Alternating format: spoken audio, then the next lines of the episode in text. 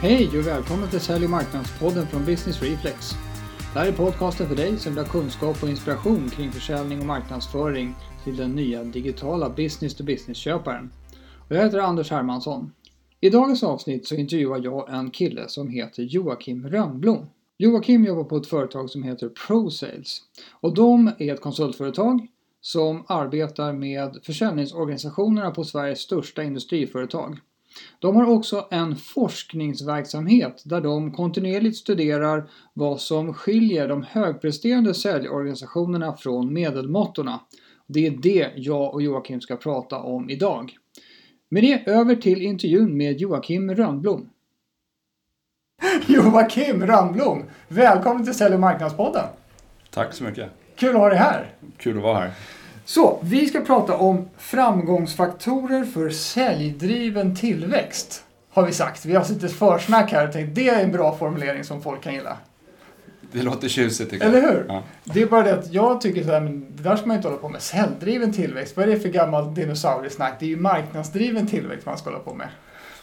Kanske... Vad är din take på det? vi, vi kanske landar någonstans i att det är både och. Det kanske är både och, ja, ja vi får se. Eh, det här antingen eller-tänket, det, det, det brukar det, det, det, är ett snyggt plakat, oh. men i verkligheten ser de förmodligen lite Just det, det funkar bra på scen, men man, Exakt. får man lugna ner sig lite. Bra.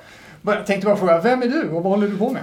Vem är jag? Jag, jag är, jobbar som rådgivare till företag med sälj och marknadsstrategifrågor. Eh, typiskt sett så är det bolag som vill bli bättre på sin växt helt enkelt. Så att, eh, eh, vi har två ben i vår verksamhet. Jag kommer från en firma som heter ProSales. Ja. Eh, det ena är att vi, vi är nyfikna på vad är det de bolag som växer organiskt med, med sälj som utgångspunkt gör mm. annorlunda än andra. Ah. Eh, och då har vi ett bolag som heter Process Institute. Där driver vi forskning på just liksom, vad gör de annorlunda. Och sen har vi en, en mer vanlig konsultverksamhet som i Process Consulting och det är där jag är verksam. Okej. Okay.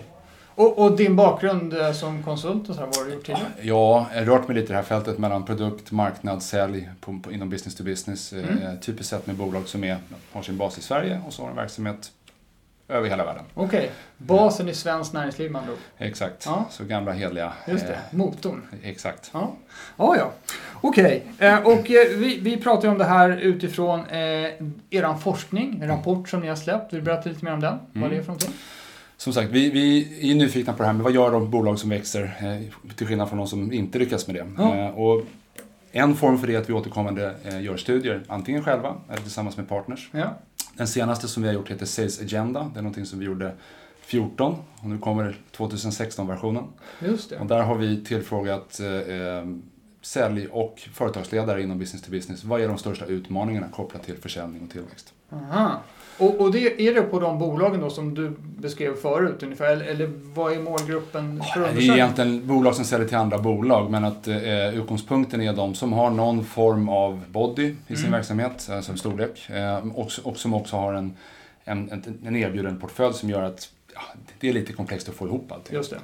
Eh, sen är det ju olika såklart, om vi tittar på svaren, branschvis men också storleksvis vad, vad vad de, vad de har kommit fram till. Ungefär hur många bolag har ni frågat eller personer? Vi har i, i antal respondenter dryga 130 i, i den här årets studie. Okay. Eh, och majoriteten av dem är, är baserade i Sverige men även våra nordiska kollegor. Okay. Typiska roller är VD, försäljningschef, eh, marknadschef. Den typen av roller. Ah, ja. Det låter högsta grad relevant med andra ord. Ja, det tycker jag. Absolut. Bra då. Och, och, hur ska man börja beskriva det här området? Vi har ju, alltså det är ju världens röra i världen på alla håll och kanter. Mm. Så vi har ett antal trender kan jag tänka mig som påverkar det här med försäljning och säljdriven tillväxt. Ja, det, det, finns ju några. De är inte nya, så det, det, det här är lite att slå in en öppen dörr. Men, men typiskt sett, hyperkonkurrens. Ja. Aktörer som, som man kanske själv inte har identifierat som sin konkurrent. Mm. Kommer från vilket håll som helst. Eh, internationalisering både på kundsidan och på, på, på konkurrenssidan. Komplexitet i erbjudandet, om man tittar på den säljande organisationen. Alltså man har fler saker i sin portfölj att sälja till fler typer av kunder. Och det beror på att kundernas behov utvecklas och man behöver följa det? Eller hur har det blivit så komplext? Varför kan man inte hålla sig där man... ja, det är en bra fråga. En typisk trend för att liksom klättra i värdekedjan som många av de kunderna som vi jobbar med eh, liksom går mot det är att de på något sätt servicifierar sitt erbjudande. Ja. Så man går från den här klassiska produktförsäljningen till mer av ett, liksom ett helhetskoncept. Vi gör det här. Samtidigt som man säljer sina produkter Ja, just det. eh, som one-offs. Så att, Ja. Och den rörelsen innebär ju att hela den här go-to-market-balansen mellan sälj och marknad och produkt och Ja. även sin operations och produktion. Där blir det rörigt. Det blir rörigt, ja. Eh, Och det är inte bara utifrån det säljande företagets perspektiv utan så här ser det ut på kundsidan också. ja. Och eh, lägger man då ihop det här med att det finns en, en det är kanske den största påverkanstrenden då, det är att kunderna har så otroligt mycket mer information. Ja. Och fler stakeholders blir involverade i köp, och det här vet ju ni. Ja, just det. Så fattar inte kunderna beslut. Nej. Och för den säljande organisationen så får det praktiskt taget två konsekvenser.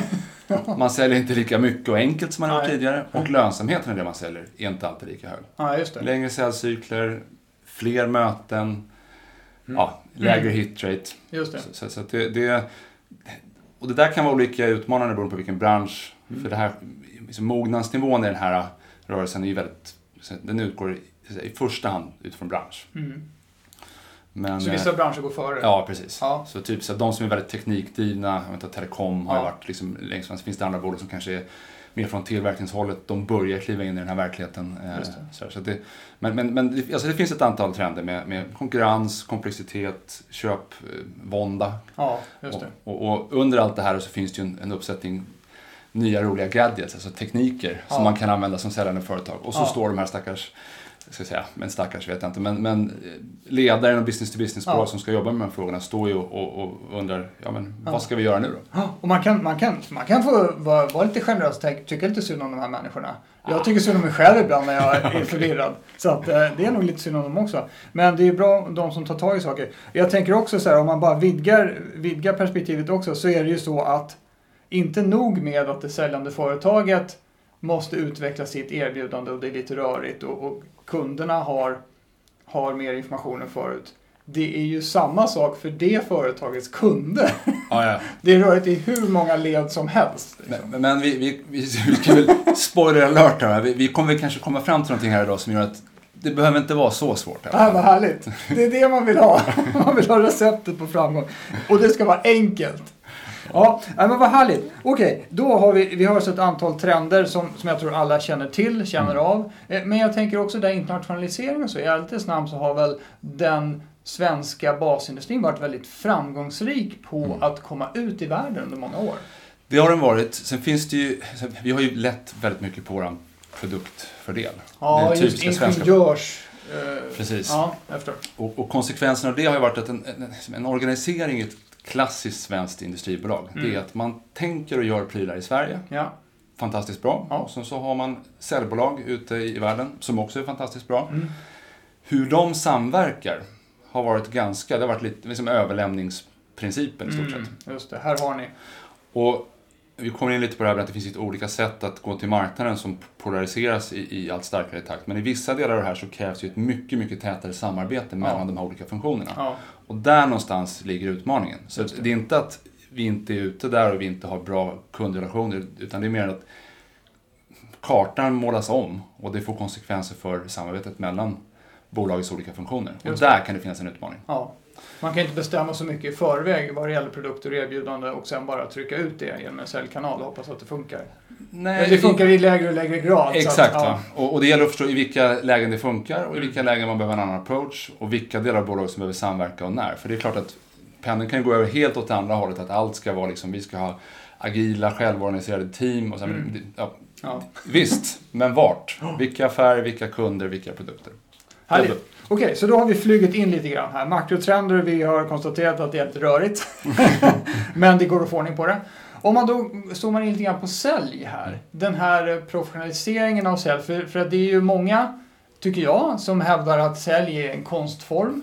Kanske mer än ett strukturerat arbete. Har du, någon, har du några åsikter, tankar kring det där? Allting som folk gör på ett jobb är ju på något sätt å ena sidan en konstform å andra sidan någonting som man tränar sig till lite mer logiskt. Shit vad du är bra på så här politiskt. Å ena sidan och ja, men, ja, men- men, tänker- men du har ju rätt såklart. Men, ja, men vi gör det här väldigt enkelt. Mellan en, en typisk sälj och marknadsfunktion så har vi liksom två typer av, av eh, liksom, vi verkligen kör stereotypen här nu.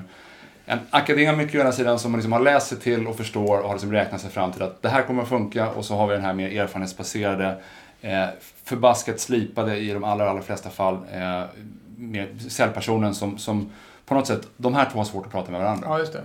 Och båda rör sig mot mitten på något sätt. Ja. Eh, marknad liksom drivs emot att vara mycket mer säljdrivande. Mm. Och försäljningsfunktionen, och både säljare, säljledning och kringfunktioner på sälj drivs emot en högre grad av vad man skulle kunna kalla för professionalisering. Eller, Ja, de är inte oproffsiga förut, men, men Absolut någon, inte. någon, någon har strukturell... Alltså Exakt. man jobbar på ett strukturerat sätt i större utsträckning än kanske att man Ja. ja, går lite på känsla. och och jag brukar likna det här vid, vid om man tar ett klassiskt fotbollslag. Så här, Mm. De som vann Europacupen 1975, Ja, kan inte jag. Men låt oss säga att det var Bayern München då. Då hade förmodligen de en stav på femman. ja. Det var en tränare, det var en bollkalle, det var en fystränare och så var det ja, kanske någon allt i allo. Ja. Jag vet att Chelsea idag, de anställer 200 någonting, 200 plus, bara i staben på sitt, på sitt eh, A-lag. Och, och lite så är det när vi pratar om, om go-to-market och Ja. försäljningsorganisationen. Att Ja. Det behövs mer, så att säga, stöd för de personer som, som ska stå på banan och göra jobbet. Ja, Inte, inte antingen eller, Nej. utan det handlar om att förstärka det som redan är bra. just det. Och där någonstans så kommer vi in på det här med samarbete igen. Att, att, att på något sätt mötas i att, ja, att att på något sätt olikheterna Mm. förstärker varandra. Ja, just det. Så ribban ligger liksom så pass högt så man måste ha ett väl genomtänkt lag som jobbar ihop helt enkelt. Utan att det finns... Det man kan inte bara gå på individer som ska ut och... Det kan man, men sen beror det lite på vilken ambitionsnivå bolaget har också. Ja. Eh, vi, eh, de kunder som vi jobbar med, och framförallt de som vi jobbar med mycket och länge, Mm. de brukar vara i kategorin bäst i klassen, men vill bli bättre. Ja, Eh, och, och då, då, då, då kanske det inte räcker med att bara lita på individens förmåga, vilket inte är så. Liksom, det, är inget dåligt i sig, men att det handlar om att förstärka det med en, Mm. ja, med en organisation som, som, som lyfter dem och, och når liksom nästa nivå ja resultat. det. Ja, det låter som att man blir lite mindre sårbar också om man har eget, eget strukturkapital att falla tillbaka på. När individen slutar. Att säga. Ja, och dessutom så pratar vi om oftast att det, är en förutsättning för, för att skala till nästa nivå i, i volym också. Ja, precis.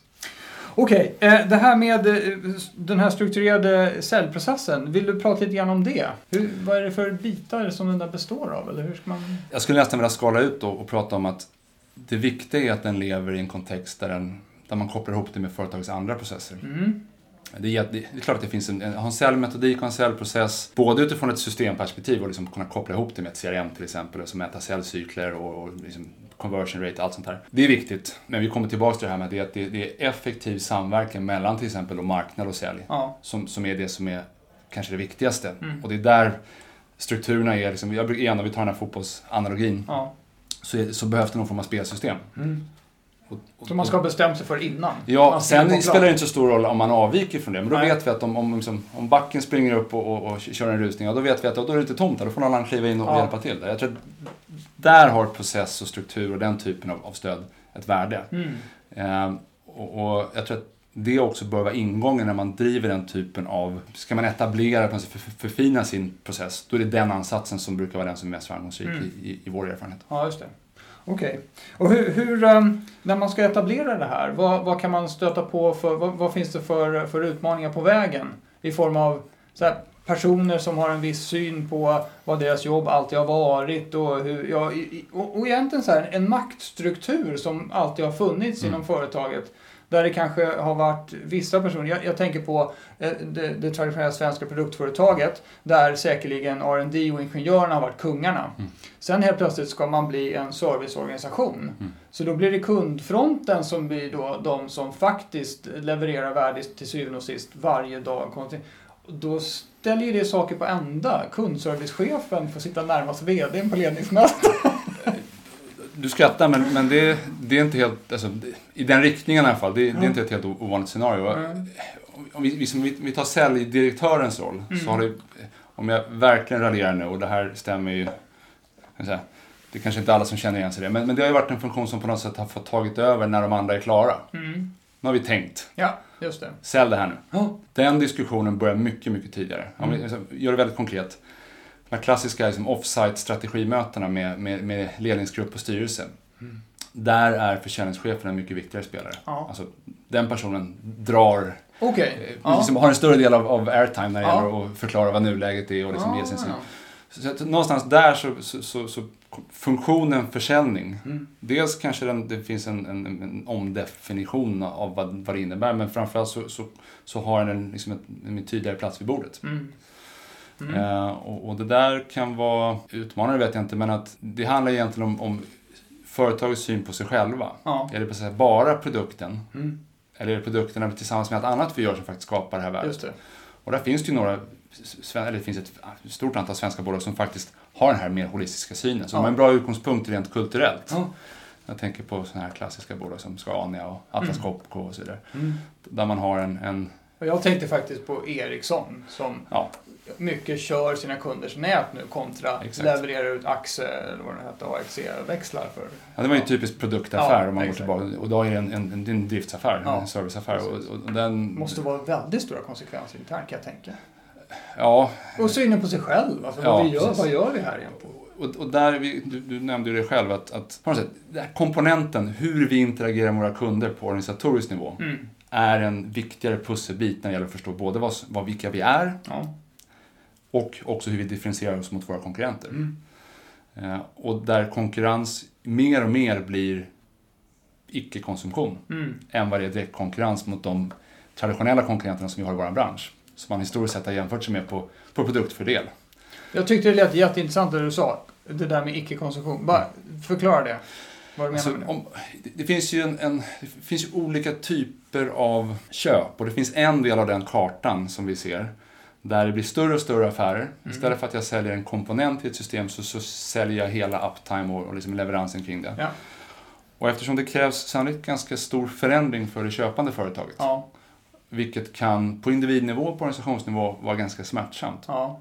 så, så finns det en, en, även om det finns, logiskt sett är det absolut bästa beslutet för bolaget, för individerna, så finns det ju en risk att det där på något sätt glider ut Jaha, okej. eh, och, och det inte blir något beslut. Mm. Eh, och, och där, där är ju, ska man lyckas med den typen av affärer, de här mer sammansatta med fler stakeholders Ja. och mer, mer eh, anpassning av erbjudanden och så vidare. Då finns ju ett väldigt starkt eh, behov av att det, det säljande företaget kan leda kunden och ganska många intressenter hos kunden genom en sån process. Just det. Eh, och den processen är inte alltid linjär, Nej. men den har ju ofta, liksom, så på något sätt så behöver man vara mer proaktiv. Och det, Mm. det, det har vi hört länge inom ja. försäljning. Jo visst, mer tidigt i processen och sånt där. Ja. Men jag tycker nog att det, det där att vara mer tidigt i processen, det drömmer ju alla om. Att inte få vara kontrollofferten i slutet. Men å andra sidan, det du säger nu som är ännu viktigare, att vara med genom hela processen och faktiskt vara inbjuden i processen. För oftast är det så att man ringer som, som säljare och försöker kolla läget och så. Mm. Och så blir man inte riktigt insläppt. Ja, men vi håller på, vi ska ta ett par möten till internt. Vi behöver jobba lite mer på det här internt. Det är ju det värsta man kan få höra. Vet, vet du vad jag skulle säga då? Ring en annan kund. Ja, just det. Är, är ni där med, med, pratar vi den typen av affärer Ja. så, så, så handlar det om att om du inte är där och formulerar frågeställningen, Mm. då kommer du, Då har någon annan gjort det. antingen så har någon annan gjort det, eller alltså du har både risk för att du, du kommer att hamna längre ner i sannolikhet och framförallt lönsamhet. Ja. Så, så att, eh, och vi kanske kommer till lite senare här nu att förmågan att välja vilka affärer, vilka kunder, hur ska vi göra de affärerna, Mm. vem i vår organisation ska göra dem, hur ska vi samarbeta kring dem? Alltså, det är ganska klassiska frågor.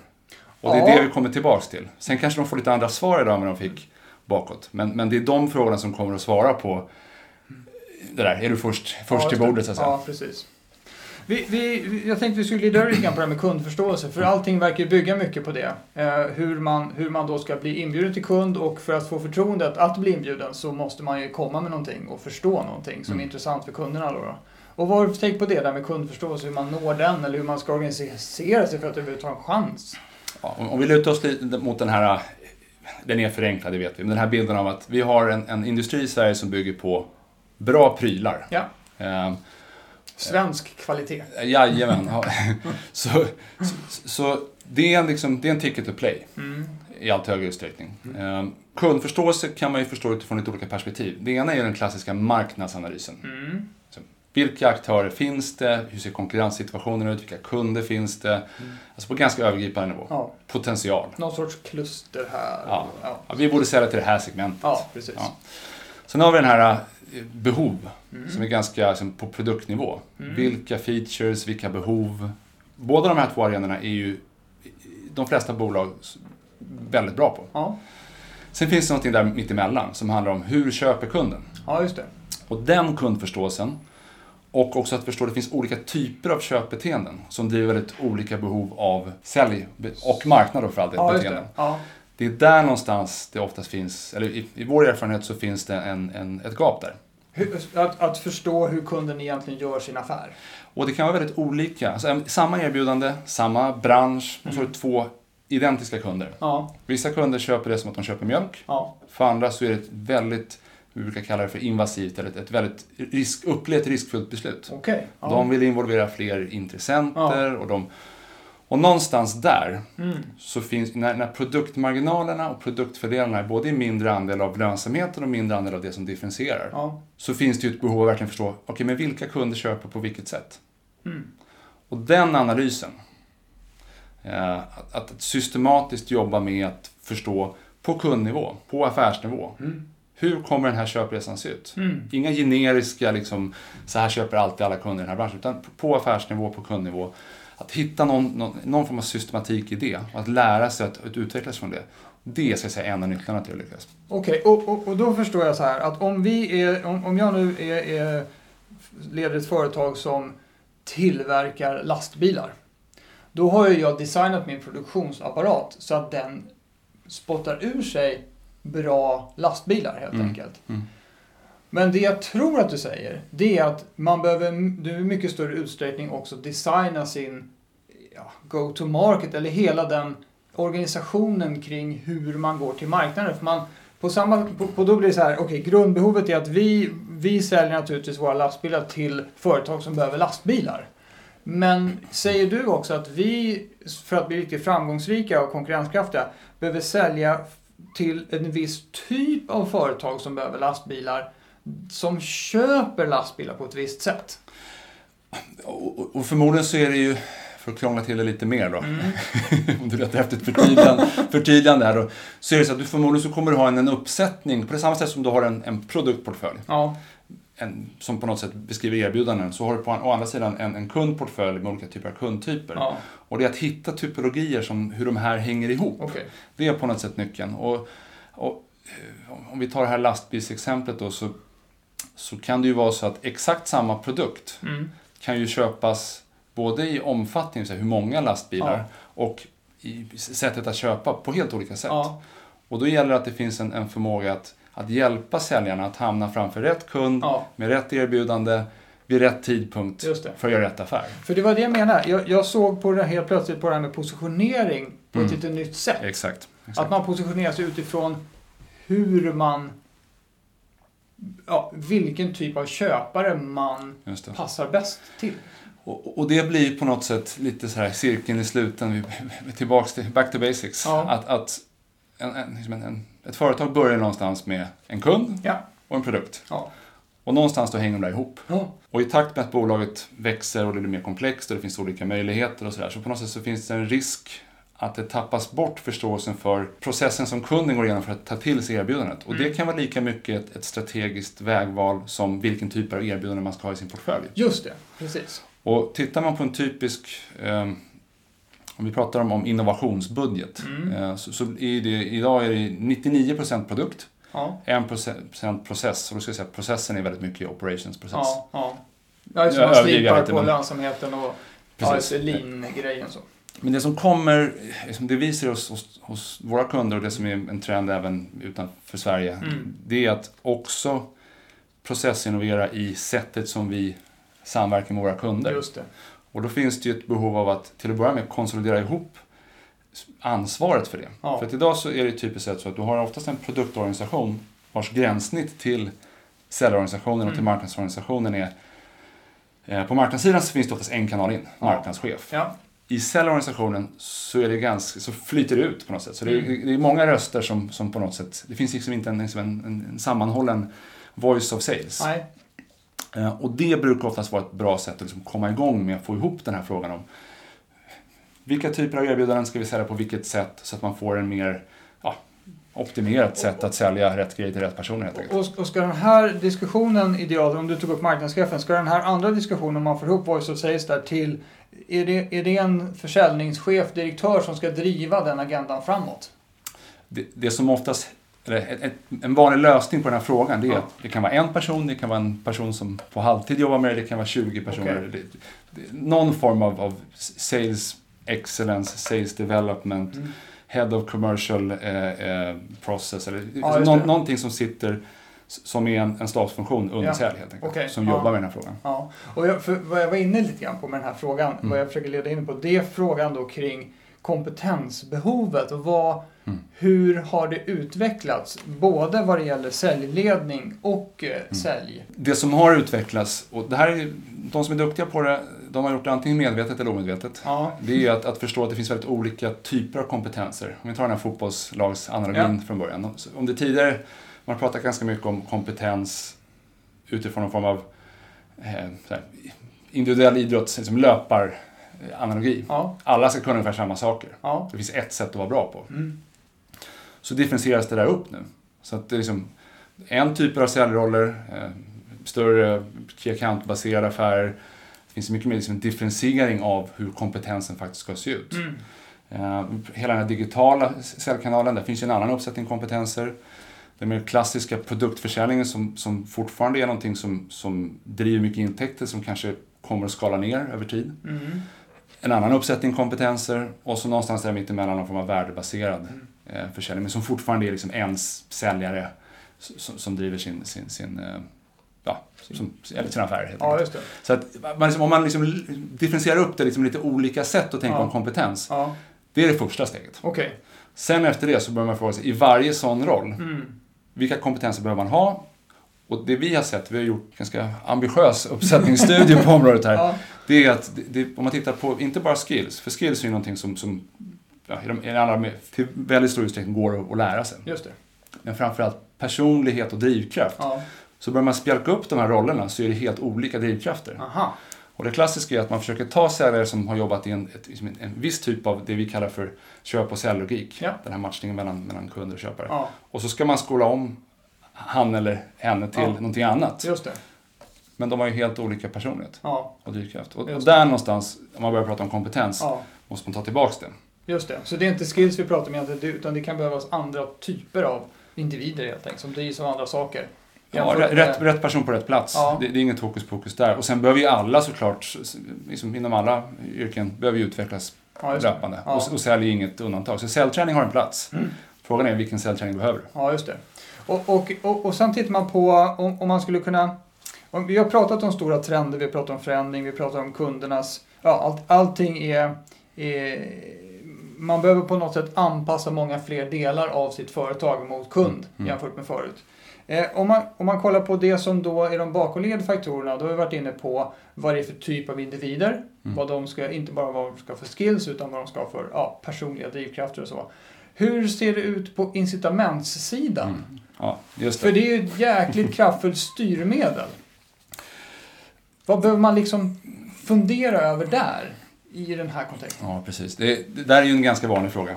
För att det som historiskt sett har varit sättet att, att skruva upp säljprestation, det har varit att liksom, ja, men då, då gör vi om våra incentives. Ja. Eller så säljtränar vi. Ja, Eh, Och det finns en absolut en plats för det. ja, Men på samma sätt som vi var inne på det här med kompetens, att det är väldigt olika beroende på vilken typ av säljroll vi pratar om, mm, så ser incitamentsmodellerna och framförallt då KPI-erna. mm, Eh, vi tar en väldigt enkelt, en, klassisk fallgrop är att vi vill gå mot ett mer servicekonceptorienterat erbjudande. ja, Längre säljcykler, större affärer, fler individer.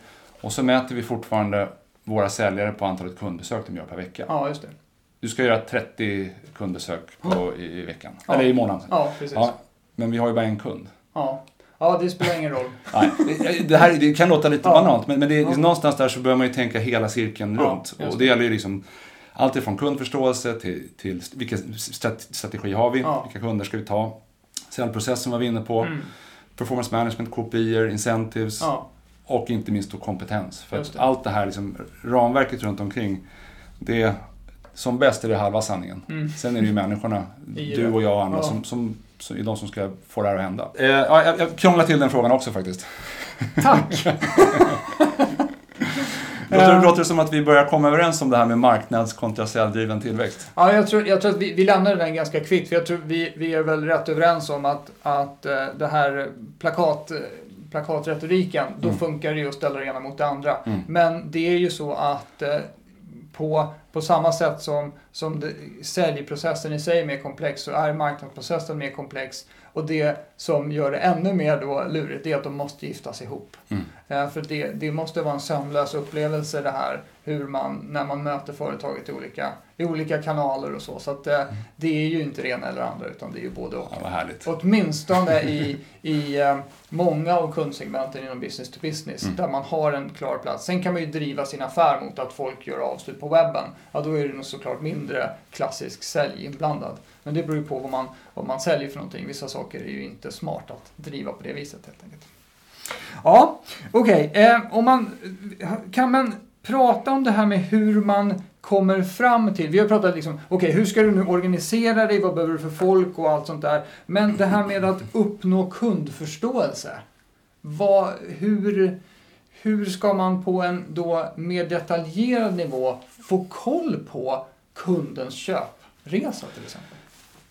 Alltså, det, det finns såklart många olika sätt. Eh, att ha en systematisk eh, liksom, informationsinhämtning hos sina kunder och någonstans att spara det. Ja, Ett CRM-system, det brukar Ja. vara det är en bra backbone. men CRM, jag har ju varit CRM-konsult i många år. Och de där brukar ju bli, det brukar bli eh, en av två saker beroende på företaget.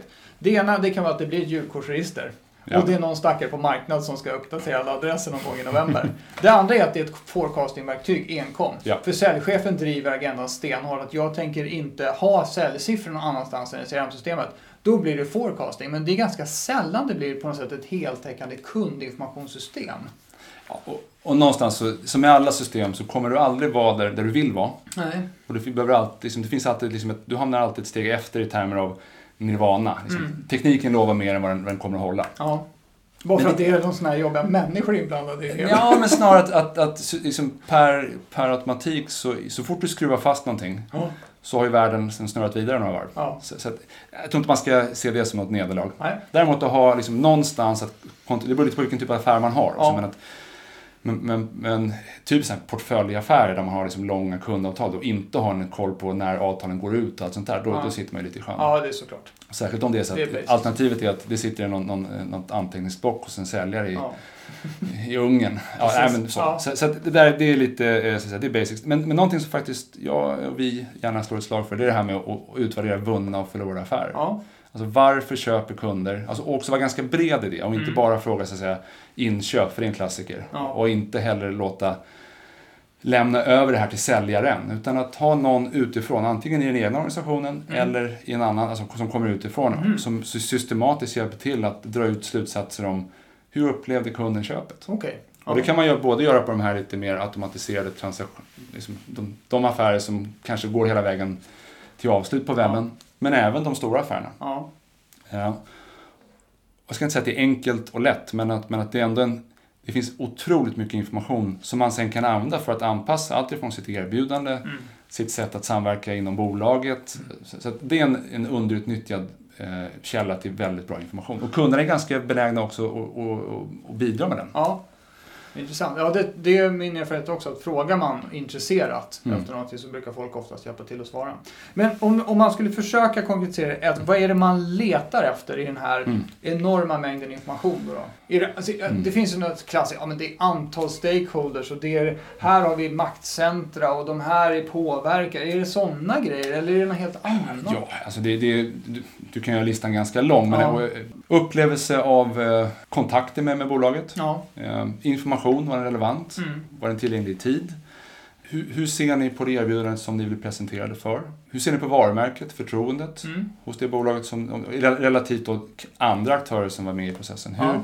Vilka andra stakeholders hade påverkan på beslut? Mm. Eh, Så, så man kan göra den... Ja men det där lät ju, det, jag varit lite glad för det där lät ju ganska, det lät ganska konkret trots allt. Mm. Att det var inte, man, man går inte ut några djupa analyser med liksom, djupintervju med folk där man ska försöka få gräva nästan psykologiskt i det. Utan det är ganska konkreta grejer i alla fall. Och då menar du om man får koll på de där grejerna, då har de stort värde för hur man kan sen. Ja, och framförallt göra med någon form av systematik. Och det här, många gör ju det här och inte minst så gör, görs ju det av säljaren. Ja. Och det är inget fel i det, men ska man liksom på allvar kunna dra konsekvens eller dra slutsatser och på något sätt anpassa sitt sätt att, att jobba. Ja. Då behöver man ha en systematik som också aggregerar upp det här. Så Mm. att det finns en löpande förståelse för vad som funkar och vad som inte funkar. Ja. Och det är väl egentligen det som är nyckeln här, att liksom få en, en lite snabbare feedback-loop in i bolaget. Ja. Så att, att det, liksom, det inte tar två år innan vi börjar fundera på, oj, våran säljprocess om vi tar det. Det. Funkar den eller inte funkar den inte? Mm. Det ska man veta Så hela här klassisk så här, eskaleringsnivån. Om det är så att den här veckan det tar för, för den här offerten att liksom Ja. vandra upp och ner i systemet Ja. gör att vi tappar affärerna. Ja. Och vi inte har tagit bort det hindret. Mm. Då har ju tappat en hel del affärer under resans gång. Just det. Medan man funderar på. Så det är väl hyggligt konkret. Exakt. Okej, och hur ska, vi, hur ska vi se på det här nu då? Kan man tratta ner det till någonting i vilken ände man Mm. bör, man bör liksom börja som stakeholder i det här då? Om man är en ambitiös eh, säljdirektör eller VD för den delen som, som liksom behöver, som ser problemet framför sig men inte riktigt vet vilken, i vilket hörn man ska börja. Och och där är ju alla bolag väldigt olika. Eller det finns väldigt många Kom igen nu konsulterna, Ja. nu gäller det att klippa till på något Ja, men det, finns ju några självklarheter. Man brukar ju prata om att det är som, alltså, what gets measured gets done. Ja, Ja, men om du inte har någon som är ansvarig för det så blir det inte gjort oavsett. nej. Så det första jag skulle göra det är att sätta en person, eller flera personer, kan vara en timme i veckan, men att liksom ha ett uttalat ansvar för att jobba med att systematiskt förstå vad kan vi om våra kunder, Mm. vad lär vi oss av våra affärer och sen använda det som ett sätt för att kontinuerligt vidareutveckla Ja. till exempel hos säljprocessen om vi Ja. tar det. Eller fila in till vilket kompetensutvecklingsprogram behöver vi driva. Ja. Så liksom en systematik i förståelsen för vad som funkar och inte funkar. Ha någon som är ansvarig för det. Just det. Vi pratade om det här med win-loss, alltså vunn, analysera vunna och förlorade affärer. Ja. Behöver inte göra det till något mastodontprogram, men börja någonstans. Ja. Eh, Och jag, jag kan tänka mig där, ursäkta jag bara Ja. bryter in här för det, det är lite grann av en kultur också. Att jag har ju varit med om att säljarna hatar att sätta affären till förlorad. För det, det finns alla, alla, alla andra orsaker till att den liksom inte varit av än att den varit förlorad. Men det är väl att ha en kultur med att exakt. en förlorad affär är också en affär. Nej, det kan man inte säga. Men en förlorad affär är i alla fall ett tillfälle att bli smartare. Absolut. Och där tror jag att svenska, alltså en generell kultur i Sverige i våra bolag är att det är helt okej att misslyckas. Ja. Och att det är en, en framgångsfaktor som i säljorganisationer faktiskt går att använda sig av. Ja, Eh, Och att vara transparent och ha en kultur av, av menar, en, en trend som inte alla bolag går på men som inte är helt ovanlig det är att man tar bort rörliga löner för säljare. ja, Eh, Därför att på något sätt det är, det är snarare viktigare att, att, att hjälpa medarbetarna att förstå att du behöver, vi vill ha dig för, att du, för din kreativitet, Ja. för att du anstränger för att du gör ditt bästa. Ja. Ibland går det bra, ibland går det inte lika bra. Just Och det här kan ju vara en, vi pratar om förändringsmotstånd, det här kan ju vara en, en, det finns väldigt mycket uppfattning om, om incitament. ja, Och just vissa typer av affärer, de här mer, mer långsiktiga, ja det är frågan om, om de här eh, de rörliga lönerna faktiskt har så stor påverkan. ja, just det. Precis. Så, så det där är, eh, eh, det, det är lite, kan vara minerad mark, men, Ja. men det, det är ett sånt område. Det sista jag skulle säga om det här med att göra, Ja, att hitta en, en tydlighet och en systematik och kanske dr- dra det så långt som att etablera såna här SLA mellan sälj och marknad. mhm. Eh, vad är ett lead? ja, Vad är en MQL och vad är en SQL om man vill nörda ner sig ordentligt. Men att på något sätt hitta de här, på vilka affärer, i vilka delprocesser, med vilken, liksom, hur, hur ska det se ut? mm. Och få, få upp den här spel, spelidén. Mm. Eh, och, och det brukar få liksom en... Ja, just det. Jag pratar ofta med, med företagsledare om att skapa en gemensam agenda. Exakt. Och jag hittar på ett annat ord bara, affärsgenerering. Istället för att Mm. prata om leadgenerering och försäljning, för då är det två olika gäng som gör två olika saker. Men om vi nu ska komma tillsammans om det här, i det här laget nu Mm. och så försöka vinna Champions League, då är det affärsgenerering som är grejen. Så det försöker jag ofta. Ja, och, det, tröskeln för att komma dit kan ju vara, den kan komma från båda håll. Ja, ja absolut. Så, så att jag, men att, men att liksom, förenklat då, säljdirektören, marknadsdirektören Mm. sätter i ett rum, kom fram till på vilka områden behöver vi ha ett tajt samarbete, Ja. hur ska det se ut? Ja. Ha en enad agenda om det och, Mm. och kommunicera det i organisationen. Ja. Det, det, där kan man få en hel del leadsvolym, leadskvalitet, om vi Mm. tar något, något väldigt exempel. Ja. Och, och jobba med det utifrån att hitta några framgångsrika exempel som går att kommunicera. Mm. Så man liksom får snurr på det här. Just det. Härligt! Ja, det tycker jag. Bra Joakim! Ja. Tack för eh, all insikt och tack för alla goda råd. Och eh, ni har ju den här rapporten. Och eh, den kan man ladda ner vad jag förstår. Yes, då går man in på process.se. Ja. P-R-O-S-A-L-E-S.se. Ja. Och eh, letar efter någonting som heter Sales Agenda Okej. 2016. Och för att göra det lite enklare för folk så länkar vi till den Ja, i det här eh, snyggt. poddavsnittets bloggtext helt enkelt. Ja, bra! Men då tackar vi för så hemskt mycket för att du kom hit.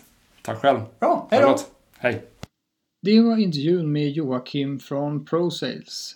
Om ni är intresserade av att läsa mer om resultaten av ProSales eh, forskning och undersökningar så finns det en länk till deras rapport i eh, texten som tillhör detta avsnitt. Det var allt för den här gången. Tack så jättemycket för att ni lyssnade. Och vad ni gör, glöm inte att vara relevanta. Hejdå!